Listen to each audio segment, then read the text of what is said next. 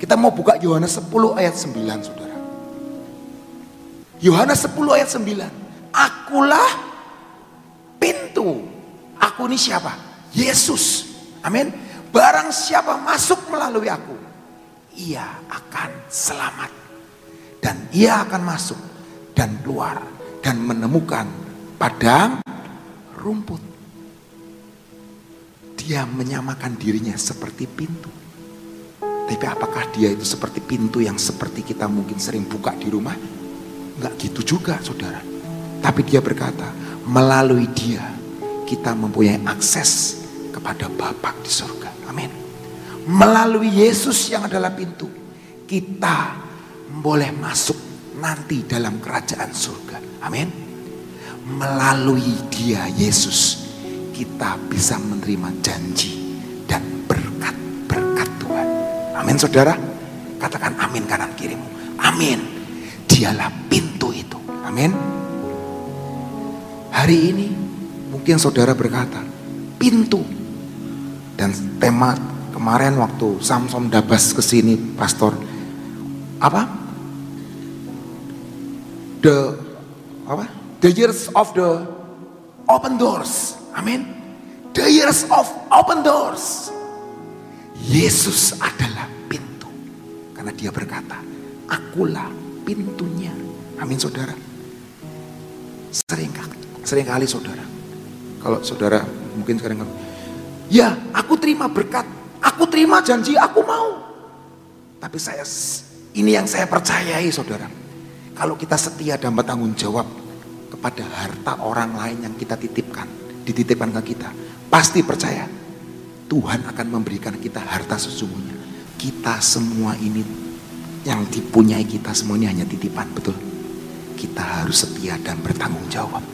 Maka kita akan dipercayakan harta sesungguhnya yang dari surga itu. Amin. Yesus adalah pintu. Dan permasalahannya saudara. Sebuah pintu identik dengan apa sih? Pintu itu identik yang nempel biasanya apa? kunci saudara. Seringkali pintu yang begitu besar. Yang sangat luar biasa besar. Hanya dibuka dengan sebuah kunci yang kecil. Letak. Buka. Kalau kita nggak punya kunci, berat loh saudara. Seringkali orang berkata seperti ini.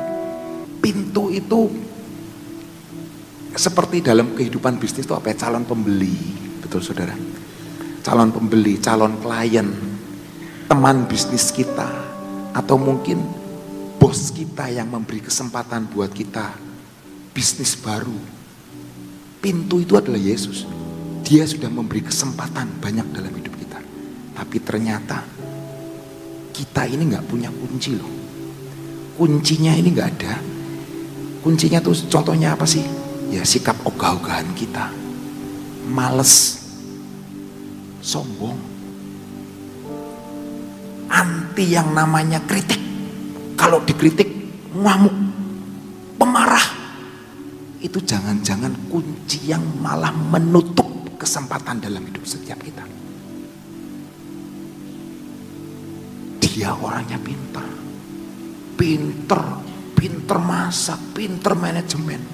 Tapi jangan kerja sama sama dia. Orangnya malas. Bangunnya jam satu siang suka begadang. Jangan. Itu orangnya pintar loh. Bisa akuntansi komputer segala macam. Jiwa pemimpin. Jangan. Suka marah. Anti kritik. Suka ngelawan. Nggak bisa diajarin. Akhirnya kesempatan itu tertutup dalam hidup setiap kita. Kesempatan itu dibuka tapi kita nggak bisa untuk masuk karena kita nggak bisa ini pegang kuncinya. Ada lagi saudara, punya kemampuan memasak, pinter, expert di hal memasak, tapi malah buka toko spare part mobil dengan alasan apa? Nggak mau kalah sama temennya, gila. Itu dia mau udah buka ya, gue mau buka lebih gede lagi Padahal punya kepintarannya apa? Masak. Tapi karena kamu nggak mau kalah, nggak mau kalah gaya, nggak mau kalah tenar, gua juga pengen buka spare part. Ada lagi saudara, istilahnya dia expert sekolah farmasi, tahu semua obat-obatan. Sakit apa? Kepala. Oh, ini obatnya. Sakit ini. Oh, saya tahu. Bisul. Oh, saya tahu. Sakit dompet. Wih, saya tahu juga itu. Sakit kaki. Oh, ini obatnya. Ini antibiotiknya. Diminum tiga kali sehari. Sesudah makan, sebelum makan. Ngerti obat-obatan semuanya. Sekolah apoteker misalnya. Tapi kenyataannya buka toko pancingan misalnya. Setiap hari adanya ketemunya mana Pak Luki? Maaf Pak, lagi di Empang Pak, lagi mancing. Enggak cocok saudara. Pintu kesempatan dibukakan, ada pintunya. Tapi kuncinya enggak pernah cocok. Jadi hidupnya enggak pernah maksimal. Bisa ngerti maksud saya sampai sini saudara? Yesus berkata, akulah pintu.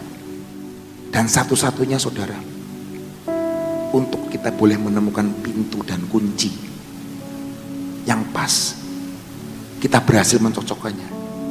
Satu-satunya kita harus punya hubungan dengan Tuhan kita. Amin. Karena dia ngomong, aku pintu. Mau nggak? Kamu, aku didik supaya kamu tahu kuncinya itu seperti apa. Di Wahyu 3 ayat 8. Saat pintu itu berhasil dibukakan atas nama hubungan baik dengan Tuhan. Percayalah, tidak ada satupun yang bisa menutupnya dalam hidup dan hidupku. Wahyu 3 ayat 8 berkata, Aku tahu segala pekerjaanmu, lihatlah aku telah membuka pintu bagimu yang tidak dapat ditutup oleh seorang pun. Dan aku tahu bahwa kekuatanmu tidak seberapa, namun engkau menuruti firmanku dan engkau tidak menyangkal namaku. Ini kuncinya. Dia pintu. Tuhan tahu kekuatan kita nggak seberapa, namun engkau menuruti firmanku dan engkau tidak menyangkal namaku. Kunci berikutnya. Tadi udah kita ngomong tentang pintu ya saudara ya. Dia itu pintu. Yohanes 10 ayat 11 sampai 13. Akulah gembala yang baik. Akulah lagi. Tadi akulah pintu. Sekarang dia ngomong akulah gembala yang baik. Memberikan nyawanya bagi domba-dombanya. Sedangkan seorang upahan yang bukan gembala bukan pemilik domba-domba itu sendiri ketika melihat serigala datang meninggalkan domba-domba itu lalu lari sehingga serigala itu menerkam dan mencerai beraikan domba-domba itu ia lari karena ia seorang upahan dan tidak memperhatikan domba-domba itu Tuhan firman Tuhan berkata akulah gembala yang baik dia memposisikan dirinya aku bukan cuma gembala tapi aku gembala yang baik gembala yang baik di dalam kesusahan dia tidak pernah meninggalkan domba-dombanya.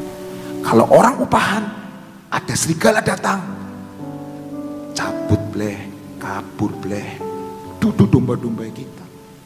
Urusan teman. Hari ini setiap ada perkara yang kecil, setiap ada perkara-perkara yang Tuhan sudah titipkan dalam hidup kita. Kita mau seperti Yesus bukan? Dia gembala kita yang baik. Kalau hari ini kita jadi pengelola, kita jadi penggembala domba, kita jadi penggembala pekerjaan kita, jadi penggembala yang baik seperti Yesus. Amin. Dan di sini berkata di Mazmur ayat terakhir Saudara. Mazmur 23 berkata ayat 1 sampai 4. Tuhan adalah gembalaku, takkan kekurangan aku. Artinya Tuhan yang menyediakan Jehovah Jireh. Amin. Ayat berikutnya dia berkata, ia membaringkan aku di padang yang berumput hijau. Dan ia membimbing aku ke air yang tenang. Artinya adalah ia membimbing aku ke air yang tenang. Artinya gambar dari damai dan menunjukkan Jehovah Shalom. Amin. Dan berikutnya saudara berkata, ia menyegarkan jiwaku. Artinya apa? Dalam bahasa Indonesia sehari-hari, ia memberi kesembuhan, ia memberi kekuatan. Artinya Jehovah Rafa. Dari Mazmur 23, kita sudah menemukan tiga nama Tuhan. Dan yang terakhir sampai ayat keempat, saya nggak akan teruskan sampai ayat keempat dulu. Sebagai gembala, dia berkata, ia menuntun aku di jalan yang benar oleh karena namanya. Kita bukan orang benar. Kita adalah orang yang dibenarkan. Jehovah Sikenu. Yakub ketika dia masih bersalah sama Esau, Tuhan nggak pernah mengganti namanya. Ketika dia sudah berdamai dengan Esau dan dia mengakui semua kesalahannya, dia diberi nama baru Israel. Yang artinya my prince, pangeranku. Artinya apa saudara? Satu kunci untuk membuka pintu berkat itu. Menempatkan diri kita sebagai domba-dombanya dia berkata, akulah gembala yang baik. Maukah hidupmu dan hidupku digembalakan oleh Yesus Kristus Tuhan sendiri?